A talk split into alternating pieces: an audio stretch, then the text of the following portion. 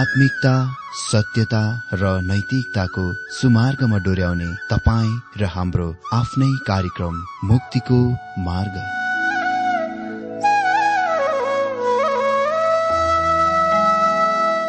आदरणीय श्रोता यस मुक्तिको मार्ग कार्यक्रममा हार्दिक स्वागत छ। आशा छ यस आत्मिक कार्यक्रमद्वारा जीवनमा आत्मिक आशिष अलौकिक शान्ति र आनन्द प्राप्त गर्नुहुनेछ।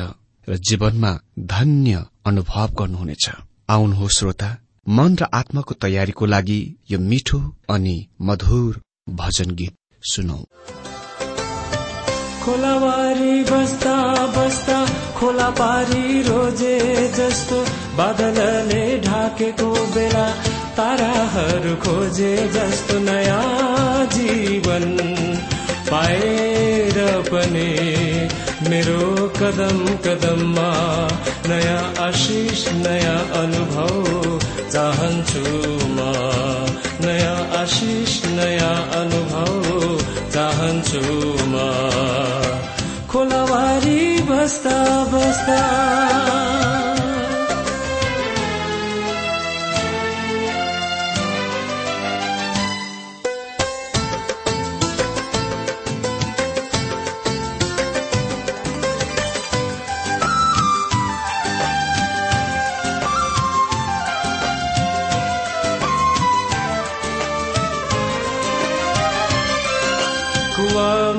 जमेको पानीहरूमा उल्लास आवेशको विरोध हुन्छ।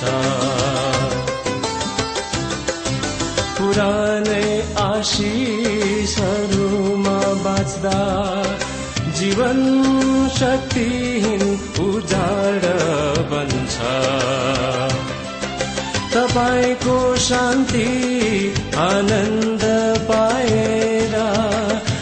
गाउन चाहन्छु म। भविष्य जीवनको हरेक घुम्तीमा नयाँ उत्साह दिनुहोस् प्रभुजी।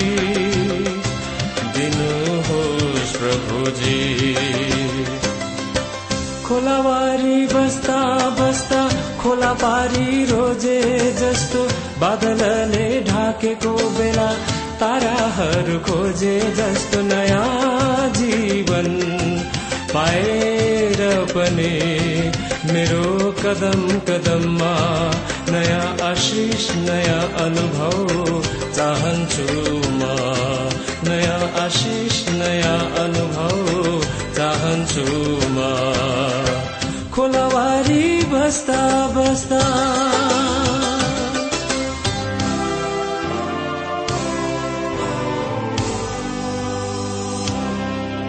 तर मेरो कामनामा होइन। तपाईँकै इच्छा पुगोस्। जीवनको हरेक पलहरूमा धन्यवाद।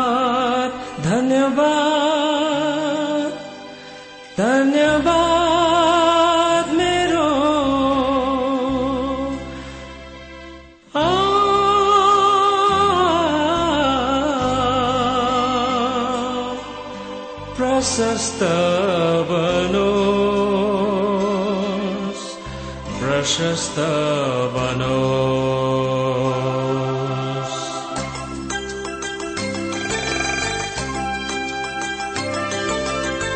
खोलावारी बस्दा बस्दा खोला पारी रोजे जस्तो बादलले ढाकेको बेला ताराहरू खोजे जस्तो नयाँ जीवन पाएर पनि मेरो कदम कदममा नयाँ आशिष नयाँ अनुभव चाहन्छु म।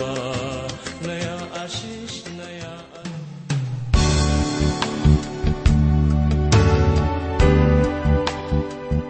प्रिय श्रोता यो प्रसारण मार्फत यो अवगत गराउन चाहन्छौ कि प्रभुको सेवाको लागि यहाँहरूको साझेदारी नित्यन्त आवश्यकता छ। यहाँहरूले प्रार्थनाको साथसाथै आर्थिक सहायता गर्न अनुरोध गर्दछौ। तपाईँहरूको सानोभन्दा सानो भेटी किन नहोस्? हामी प्रभुको नाममा स्वीकार गर्नेछौ। प्रभुको सेवाको लागि। तपाईँहरूको यो सानो लगानीले कसैको जीवनमा भिन्नता ल्याउँछ? अनि प्रभुको महिमा हुन्छ। प्रभु तपाईँहरूलाई महान गरी आशिष दिनुहुनेछ। इच्छुक श्रोताहरूले तपाईँको इच्छा भेटी हाम्रो ठेगानामा पठाउन सक्नुहुन्छ जुन ठेगाना हामी कार्यक्रमको अन्तमा दिनेछौ। प्रिय श्रोता मित्र आज पनि यहाँ सबैलाई मेरो हार्दिक स्वागत छ यो बाइबल अध्ययन कार्यक्रममा। श्रोता आज हामी प्रकाश छ अध्यय सातदेखि सत्र पदबाट बाइबल अध्ययन गर्न गइरहेका छौं। यहाँ हामी सर्वप्रथममा देख्नेछौ चौथो छापको खोलाइ पहेँलो घोडामा घोडचढी पहेँलो घोडामा घोडचढी र प्रकाश छ अध्यय सात र आठ पदमा यस प्रकार लेखिएको छ जब उहाँले चौथो मोहर तोड्नुभयो तब चौथो जीवित प्राणीले आऊ भनेको मैले सुने। मैले पहेँलो घोडा देखे र घोडसवारको नाउँ चाहिँ मृत्यु थियो र पताल चाहिँ त्यसको पछि पछि लागेको थियो अनि पृथ्वीको चौथै भागलाई तरवार अनिकाल महामारी र पृथ्वीका जंगली जनावरद्वारा मार्ने अख्तियार तिनीहरूलाई दिइएको थियो। यहाँ चाहिँ महामारी छ जुनले पृथ्वीमा एक चौथै जनसंख्यामा प्रहार गर्नेछ। अनि त्यसको रोक्नलाई त्यस दिनमा प्रशस्त एन्टियोबाटिकको मेडिसिन दवाई औषधिहरू पर्याप्त हुने छैनन्। मृत्यु त्यसको नाम थियो। मृत्युलाई युद्धभन्दा कति पनि व्यक्तिकरण गरिएको छैन। यद्यपि घोडचढीलाई मृत्युको नाम दिए तापनि वास्तवमा हामीले आँखाले देख्ने शारीरिक मृत्युभन्दा अधिक धेरै कुरा यहाँ लप्टिएको छ। किनकि मानव जाति शारीरिक भन्दा अधिक धेरै हो। अनि मृत्यु शारीरिक क्रियाकलापको समाप्त वा अन्तभन्दा अधिक धेरै कुरा हो। जब मृत्युले शरीरलाई लाँदछ नर्क पाताल जुनको शाब्दिक अर्थ खोलाइ चाहिँ पाताल वा अधलोग हो जहाँ गुमेको निन्दित मानिसको आत्मा जान्छ। लुका सोह्रको तेइस पद अनुसार। रोमी पाँच अध्ययको चौध पदको अक्षरस अनुवादले यसरी पढ्दछ तरै पनि मृत्युले आदमदेखि मोसासम्म राज्य गर्यो। तिनीहरूमाथि पनि गर्यो जसले आदमको अपराध सर पाप गरेका थिएनन्। यी आदम चाहिँ आउनेवालाका छाया हुन्। मृत्यु उसको नाम थियो अनि पाताल चाहिँ त्यसको पछि पछि लाग्यो। मित्र यो शब्द पाताल वास्तवमा असल अनुवाद होइन। यो अति नै अभाग्यवश अनुवाद हो। यहाँ उल्लेखित पतालको शाब्दिक अर्थ चाहिँ अधलोक हो। यसले यहाँ त्यो शारीरिक मृत्युको संकेत गर्दछ। र त्यो स्थानको जहाँ शारीरिक मृत्युपछि आत्मा जाने स्थान हो वा चिहानको संकेत गर्दछ जहाँ मृत्यु शरीरलाई राखिन्दछ। अर्को शब्दमा जब मृत्युले शरीरलाई लाँदछ अधलोक नै त्यो स्थान हो जहाँ गुमेका निन्दित मानिसहरूका आत्मा सिधै जान्छ। प्रभुले लुका सोह्र दिएको त्यस पदमा त्यसको त्यही तरिकामा बोल्नु भएको थियो पाओले रोमी पाँच अध्ययको चौध पदमा मृत्युको व्यक्तिकरण गरेका छन् जस्तो कि उसले त्यस उही खण्डमा पापको गर्दछन् र उसले यो जोडको लागि दिदछ। पाप र मृत्यु एकै समयमा संसारमा प्रवेश गर्यो। मृत्यु पापको परिणाम हो। आदमदेखि मोसासम्मको अन्तराल वा बीचको समय अवधिमा मानिसहरूले उही एउटै पाप गरेनन् जस्तो कि आदमले गरे। न तिनीहरूका पाप अधर्म आदमको सर थियो किनभने दश आज्ञाहरू दिइएका थिएन तैपनि यो नै अवधिमा मानिसहरूले पाप गरे र मरे। आदमको पाप तिनीहरूका पाप बन्यो। किन तिनीहरू आदम जस्तै मरे त? अरू त के जल प्रलयमा बच्चाहरू पनि मरे। मित्र वास्तवमा हेर्नु नै पर्ने हो भने त्यहाँ तीन प्रकारका मृत्यु छ हामी चाहिँ मृत्यु भन्ने भनेपछि खालि शारीरिक मृत्युको मात्र बुझ्दछौ। तर त्यहाँ तीन प्रकारको मृत्यु छ। पहिलो शारीरिक मृत्यु अनि यसले खालि शारीरिक मृत्युको मात्र संकेत गर्दछ र त्यो आदमको पापको कारण मानिसमा आउँछ। दोस्रो आत्मिक मृत्यु जुन परमेश्वरबाट अलगाओ छुट्टा नाम र परमेश्वरको विरूद्ध विद्रोह हो। हामीले आदमबाट मृतक स्वभावको पाउँदछौ। यसको मतलब परमेश्वरको लागि हामीसँग कुनै धारणा शक्ति छैन र उहाँको लागि कति पनि हामीसँग अभिलाषा र इच्छा छैन। तेस्रो अन्तमा त्यहाँ अनन्त मृत्यु छ। जुन चाहिँ परमेश्वरबाट अनन्त अलगाव हो छुट्टा नाम हो। जबसम्म मानिसले उद्धार पाउँदैन छुटकारा पाउँदैन यो अनिवार्य रूपले पछ्याउँछ वा आउँछ। यो दोस्रो पाप हो जुन पछिबाट प्रकाश विश्व चौध पदमा दोस्रो मृत्युको रूपमा पत्ता लगाउनेछौ। आदमले पाप गर्नभन्दा पहिले परमेश्वरले उसलाई भन्नुभयो उत्पत्ति दुई अध्ययको सत्र पदमा तैले त्यो खाएको दिनमा नै त निश्चय नै मर्नेछस्। मित्र शारीरिक रूपले त्यसपछि पनि नौ सय वर्षसम्म तिनी जीवित बाँचे। तर परमेश्वरको निम्ति आत्मिक रूपले मरे तिनी। उनी परमेश्वरबाट टाढा भागे तर्की गए। उसको कति पनि परमेश्वरसँग संगतिको लागि इच्छा वा अभिलाषा आएन रहेन। उनी आत्मिक रूपले मरे र शारीरिक मृत्युले पछ्याए र पूरा मानव जातिमा आएको छ त्यो। झन् धेरै भन्दा धेरै त्यसले मानव जातिलाई भ्रष्ट गरेको छ। हामी धेरैजना आज आधुनिक औषधि र जीवित रहनलाई विज्ञानको अद्भुत विकासहरूद्वारा टेवा दिइएका छौं। वास्तवमा मानव जाति सबै समय अझ धेरै बिग्रन्द गइरहेको छ। औसत मानव जीवनको आयु झन छोटो छोटो हुँदै गइरहेको छ। यदि सम्पूर्ण आधुनिक औषधिहरू यहाँ पृथ्वीमा हामीलाई जीवित राख्नलाई उपलब्ध नभए झन यो निराशको कुरा हुने थियो। यहाँ निश्चय नै आदमलाई ख्रिष्टको रूपक घोषणा गरिएको छ। मृत्युलाई आदमको ढोकामा राख्नै पर्छ उसको सम्पूर्ण उत्तरदायित्वको रूपमा उसको जवाब दिएको रूपमा जिम्मेवारीको रूपमा। परमेश्वरले मानिसलाई मर्न सृष्टि गर्नुभएको थिएन। यो दण्ड वा सजाय दिइएको वा लादिएको कुरा थियो किनभने आदमले परमेश्वरको आज्ञा उल्लंघन गरे तोडे।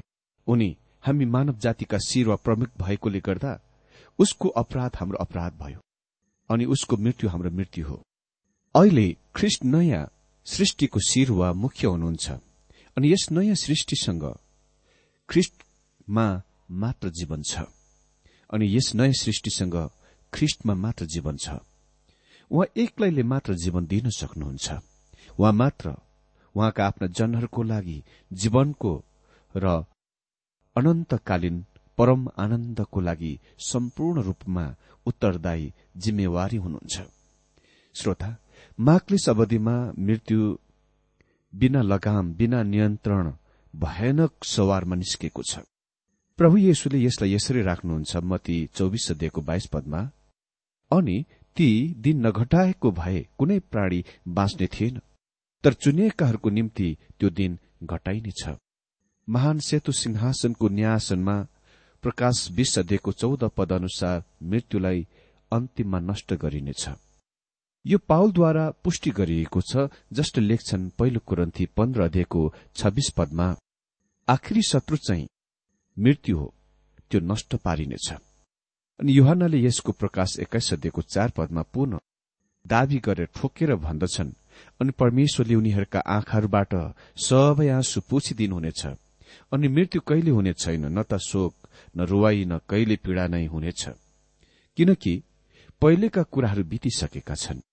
भनेको छ यसरी तरवार भुकमरी अनिकाल हैजा महामारी र जंगली पशुहरूले पृथ्वीको एक चौथाइ जनसंख्यालाई विनाश गर्नेछन्। यो नै एक कुरा हो। परमेश्वरले आफ्ना भविष्य वक्त इजिकेलद्वारा भन्नुभयो कि यो निश्चय नै हुनेछ घट्नेछ। इजिकेल चौध दिएको एक्काइस पदमा लेखिएको छ किनकि परमप्रभु परमेश्वर यसो भन्नुहुन्छ मैले यरुसलेममा मेरा चार भयानक दण्डहरू तरवारहरू अनिकाल जंगली पशुहरू रोडी त्यहाँका मानिसहरू र पशुहरूलाई मान पठाए भने झन कस्तो खराब हुन्छ होला। पहेँलो घोडाले रोडी र महामारीको प्रतिनिधित्व गर्दछ जुनले पृथ्वीलाई त्यसबेला प्रहार गर्दछ। यसले जीवाणु युद्धको सम्भावनाको पनि सूचित गर्दछ। डाक्टर फ्रेङ्क हटमेन जो टेनेसिस युनिभर्सिटीका जीवाणु विज्ञान विभागका प्रमुख थिए उसले भनेथे जबकि अटम बम वा आणुविक हतियारले शहरका शहर गाउँका गाउँ जनसंख्यालाई नष्ट गर्न ठूलो भूमिका हुन्छ भने जीवाणु विधिले तरिकाले एक हप्ताभित्र सम्पूर्ण जनसंख्यालाई पूर्ण रूपमा नष्ट गर्न सक्छ। हामीले चार घोडचढ़ीहरू सवार गरेर बाहिर निस्किआएका देखेका छौं अनि यसले बिल्कुल ठिक तरिकामा त्यस विधि वा तरिकाको पछ्याउँछ। जुन हाम्रो प्रभु येशुले पृथ्वीमा हुनुहुँदा दिनुभएको थियो मती चौबिस अध्ययको पाँचदेखि आठ पदमा जैतुन प्रवचनमा किनकि धेरैजना म ख्रिष्ट हुँ भन्दै मेरो नाउँमा आउनेछन् र धेरैलाई धोका दिनेछन्। यो चाहिँ सेतो घोडा अन्तर्गत पर्दछ। अनि तिमीहरूले लडाईहरू र लडाईहरूका होहल्ला सुन्नेछौ। यो चाहिँ रातो घोडाको अन्तर्गत पर्दछ। हेर तिमीहरू नतालियो किनकि यी सबै कुराहरू हुनै पर्छ तर अन्त अझै हुने छैन। किनभने जाति जातिको विरोधमा उठ्नेछ। र राज्य राज्यको विरोधमा अनि ठाउँ ठाउँमा अनि काल त्यो चाहिँ काल घोडा अन्तर्गत पर्दछ। अनि यो चाहिँ पहेँलो घोडा अन्तर्गत पर्छ। महामारी र भुइँचालाहरू हुनेछन्। तर यी सबै पीड़ाहरूको शुरू हुन्। यो नै महाक्लेशको शुरूआत हो। त्यसपछि हामी देख्नेछौ पाँचौं छापको खोलाइ। यहाँ हामी देख्छौ शहीदहरूको प्रार्थना। नौ र दश पदमा यस प्रकार लेखिएको छ। जब उहाँले पाँचौं मोहर तोड्नुभयो तब वेदी मुनिन्तिर मैले तिनीहरूका आत्माहरू देखे जो परमेश्वरका वचनको निम्ति र तिनीहरूले दिएका गवाईको कारण मारिएका थिए। अनि तिनीहरूले यसो भनेर चर्को स्वरले कराए हे सर्वशक्तिमान पवित्र र सत्य प्रभु अझै कहिलेसम्म तपाईँले पृथ्वीमा रहनेहरूको इन्साफ गर्नुहुन्न र हाम्रो रगतको बदला लिनुहुन्न? यो वेदी स्वर्गीयमा छ र निश्चय नै ख्रिस्टले आफ्नो खुन संसारका पापहरूको लागि चढ़ाउनुभयो। डाक्टर मेगीले यो राय मान्छन् कि उहाँको साँच्चीकै रगत स्वर्गीयमा छ। अनि यसको पुष्टि गर्नलाई उहाँले हिब्रू नौ अध्यायको तेह्र र चौध पदको उठाउनुहुन्छ जहाँ लेखिएको छ यसै कारण स्वर्गीयहरूमा भएका कुराहरूका नमूनाहरूलाई यीद्वारा शुद्ध हुनु खाँचो थियो तर स्वर्गीय कुराहरू आफैलाई चाहिँ यी भन्दा उक्तम बलिदानहरूद्वारा। किनकि ख्रिष्टको हातले बनाएका पवित्र स्थानहरूभित्र पस्नु भएन। जो वास्तविक पवित्र स्थानहरूका प्रतिरूप हुन् तर स्वर्गीयभित्र नै पस्नुभयो। अब परमेश्वरको सामु हाम्रा निम्ति देखा पर्नलाई। हजुर यहाँ प्रकाश छ अध्यायको नौ पदमा उल्लेखित प्राणहरू चाहिँ पुरानो नियमका सन्तहरू हुन्। प्रभु येशुले यसलाई यसरी राख्नुभयो लुका एघारको पचास र एकाउन्न पदमा संसारको उत्पत्तिदेखि बहाइएको सबै भविष्य वक्ताहरूको रगतको लेखा चाहिँ यही पुस्तासँग लिइनेछ। हाबिलको रगतदेखि लिएर जकरियाको रगतसम्म जो बेदी र मन्दिरका बीचमा नष्ट भए। म तिमीहरूलाई साँचो भन्दछु यसको लेखा यही पुस्तासँग लिइनेछ अनि यी पुरानो नियमका सन्तहरू अतिरिक्त त्यसको साथसाथै यी ती मानिसहरू पनि हुन् जो महाक्लेश अवधिमा मारिन्दछन्। हामीले पहिले नै पत्ता लगाइसकेका छौं कि एक चौथाइ जनसंख्या त्यसबेला नष्ट हुनेछ। तिनीहरू एकदम ठोस पुरानो नियम आधारमा आश्रित भइरहेका छन् जब तिनीहरूले परमेश्वरको पवित्र वासस्थानको आधारमा व्यवस्थाको आधारमा न्याय र इन्साफको लागि भीख मागे बिन्ती गरे। एघार पदमा लेखिएको छ तिनीहरू प्रत्येकलाई एउटा सेतो पोसाक दिइयो र तिनीहरूका सहकर्मी र भाइहरू पनि तिनीहरू जस्तै मारिएर संख्यामा पूरा नभएसम्म केही बेर विश्राम गर्नु भनी तिनीहरूलाई भनी अर्को शब्दमा महाक्लेशका सन्तहरू दोस्रो पुनरुत्थानमा पुरानो नियमका सन्तहरूसँग सम्मिलित गरिनेछन् पुनरुत्थित गरिनेछन्। त्यसपछि हामी देख्छौ छैटौं छाप खोलाइ क्रोधको दिन आएको छ। बाह्र तेह्र पदमा यस प्रकार लेखिएको छ जब उहाँले छैटौं मोहर तोड्नुभयो तब मैले ठूलो भूकम्प भएको देखेँ। सूर्य भाङ्रा जस्तो कालो भयो र पूर्णिमाको चन्द्रमा रगत जस्तै रातो भयो अनि अन्जिरको रूखलाई बतासले हलाउँदा नपाकेका फलहरू झरे झै आकाशका ताराहरू पृथ्वीमा खसे यो निश्चय नै महाक्लेश अवधिको अन्तिम आधा भागको आरम्भ हो। उहाँको क्रोधको महान दिन हाम्रो अगाडि हाम्रो सामने छ। महाक्लेश दुवै प्राकृतिक विश्व ब्रह्माण्डमा यी उथल पुथलसँग आरम्भ हुन्छ अनि अन्त पनि हुन्छ। पहिलो महाक्लेशको आरम्भ। योल दुई अध्यय तीस र एकतीस पदलाई प्रेरित दुई अध्यय बीस पदसँग तुलना गरौं। र दोस्रो क्लेशको अन्त। योल तीन अध्यय नौदेखि सत्र पद यसैया तेह्र अध्यय नौदेखि तेह्र पद यसैया चौतिसको चौध र मती चौबिस अध्ययको उन्तिस पदमा हेरौं। आज हामीले पूरा विश्वभरि भूकम्पहरूको वृद्धि देखिने कुरा चाहिँ यसको परिपूर्णताको कति पनि होइन। परिपूर्णता कति पनि होइन यो चाहिँ महाक्लेश अवधिमा स्थान लिनुपर्नेछ। तर चाक्लादो कुरा के हो भने अतीतमा वा भूतकालमा भूकम्पहरूले यो पृथ्वीको अति ठूलो जनसंख्याको नष्ट गर्यो। Doctor Prosper R A Dele आफ्नो आवर मोबाइल अर्थ अर्थात हाम्रो परिवर्तनशील पृथ्वी नामक पुस्तकमा लेखेका छन्।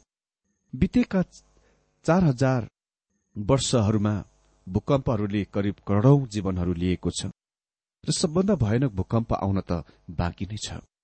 प्रकाश सोह्र अध्यय अठार पदमा हामी पढ्छौं अनि आवाजहरू र गर्जनहरू भए अनि बिजुलीहरू चम्के अनि एउटा ठूलो भैँचालो गयो। यति सामर्थ्य भैँचालो र यति ठूलो कि पृथ्वीमाथि मानिसहरू भएदेखि यसो यस किसिमको भुइँचालो भएको थिएन। ओ यहाँ हामीसँग कस्तो तस्विर छ? आज भूकम्पहरू भुइँचालहरू यस भविष्यवाणीको परिपूर्णता होइन। तिनीहरूले खालि यी कुराहरू मात्र देखाउन यस्तो हुन सक्छ किनभने परमेश्वरको वचनले त्यो हुनेछ भनी बताउँछ। अनि चौध पदमा लेखिएका छन् आकाश चाहिँ चर्मपत्रको मुठो बेरे चाहिँ लोभ भयो र हरेक टापु र पहाड़ तिनीहरूका आफ्ना आफ्ना ठाउँहरूमा हटेर गए। मित्र म सोच्दछु कि यो पदलाई एक शाब्दिक वा अक्षरस रूपमा लिँदा उक्तम हुनेछ।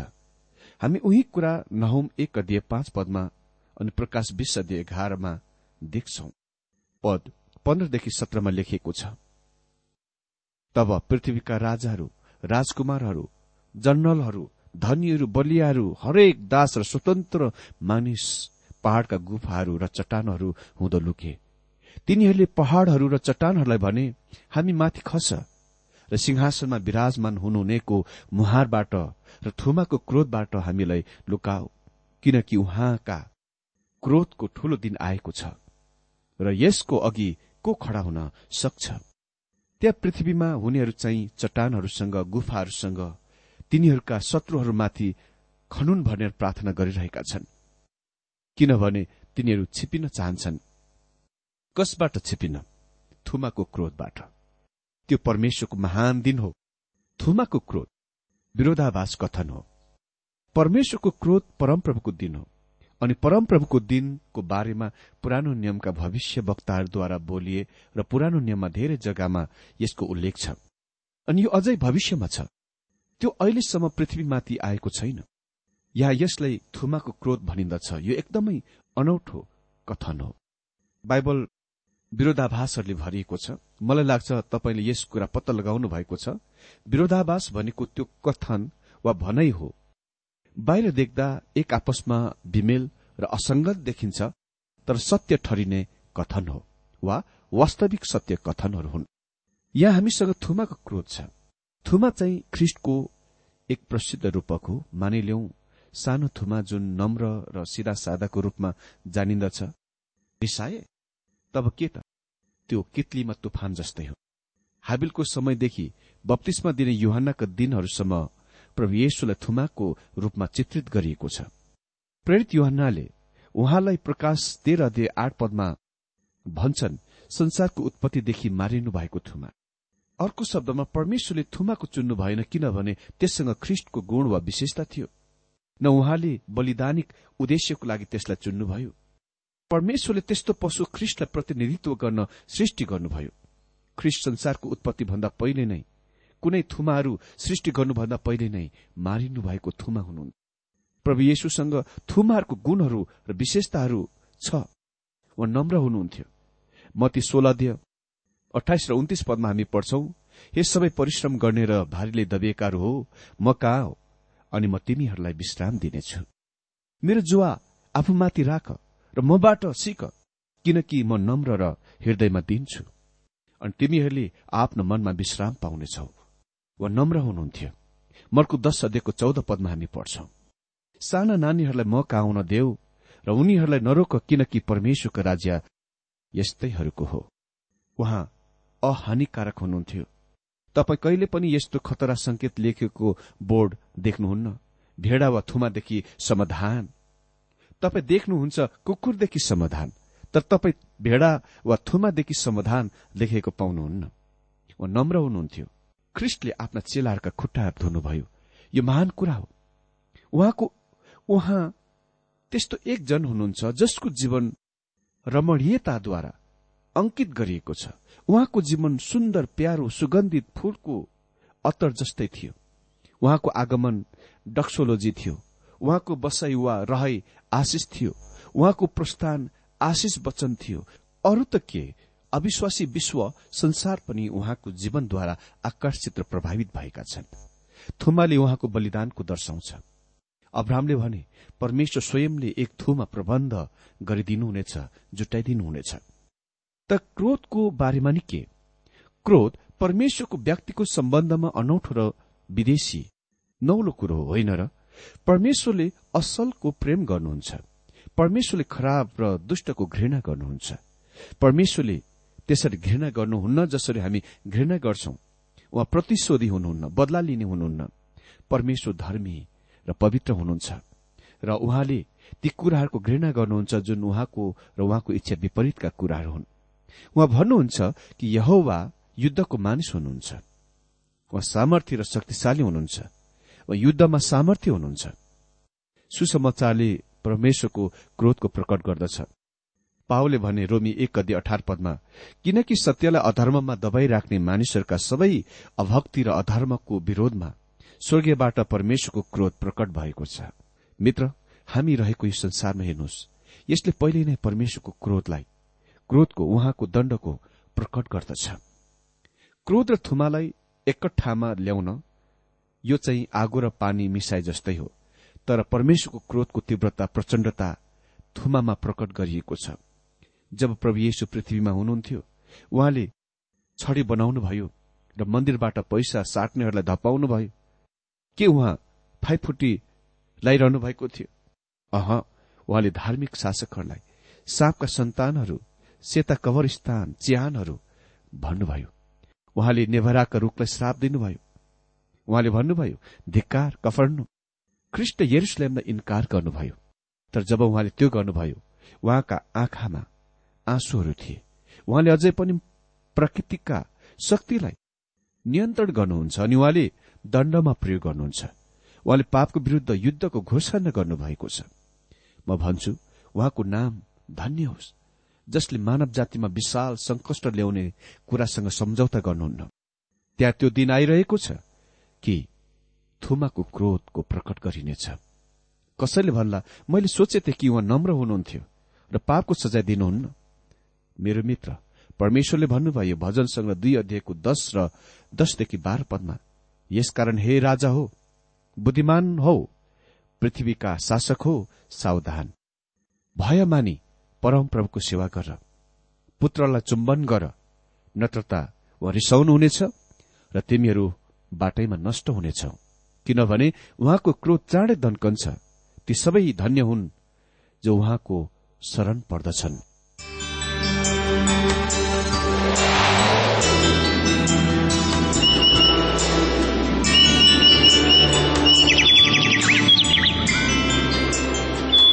प्रिय श्रोता अहिले भर्खरै तपाईँले टीडब्ल्यूआर नेपालद्वारा सञ्चालित आत्मिक कार्यक्रम मुक्तिको मार्ग सुनिरहनु भएको थियो। श्रोता आजको यो कार्यक्रम सुनेर तपाईँलाई कस्तो लाग्यो? यदि यो कार्यक्रम सुनेर मनमा कुनै खुल्दुली वा कुनै प्रतिक्रिया अर्थात सुझावहरू छन् भने हामीलाई पत्रद्वारा लेख्न सक्नुहुनेछ। हामी हृदयदेखि नै स्वागत गर्नेछौ स्वीकार गर्नेछौ साथै बाइबल सम्बन्धित प्रचारहरू कार्यक्रम सारणीहरू हामी अनुरोधमा पठाउन सक्छौ। अनि तपाईँसँग कुनै प्रार्थनाको विषय छन् भने हामीले तपाईँको लागि प्रार्थना गरेको चाहनुहुन्छ। भने प्रभुमा आफ्नै परिवार सम्झेर हामीलाई पत्रमा लेख्न सक्नुहुनेछ। तपाईँको लागि हामी प्रभु येशुसँग प्रार्थना गर्नेछौ। अधिक जानकारी र पत्रचारको लागि हाम्रो ठेगाना यस प्रकार छ। कार्यक्रम मुक्तिको मार्ग जीपीओ नम्बर उनानब्बे पचहत्तर इपिसी पच्चिस एकसठी काठमाडौँ। ठेगाना एकपल्ट सुन्नुहोला। कार्यक्रम मुक्तिको मार्ग जीपीओ नम्बर उनानब्बे पचहत्तर इपिसी पच्चिस एकसठी काठमाडौँ। हाम्रो इमेल एड्रेस हो TWR Nepal at Yahoo dot com. साथै यस नम्बरमा एसएमएस गर्न सक्नुहुनेछ। अन्ठानब्बे चार सत्तरी पैतिस छ सय उनासी नौ आठ चार सात जिरो तीन पाँच छ सात नौ। हुन्छ श्रोता आजलाई हामी विदा चाहन्छौ। अर्को कार्यक्रममा हामी पुनः भेट्नेछौ तबसम्मलाई नमस्कार।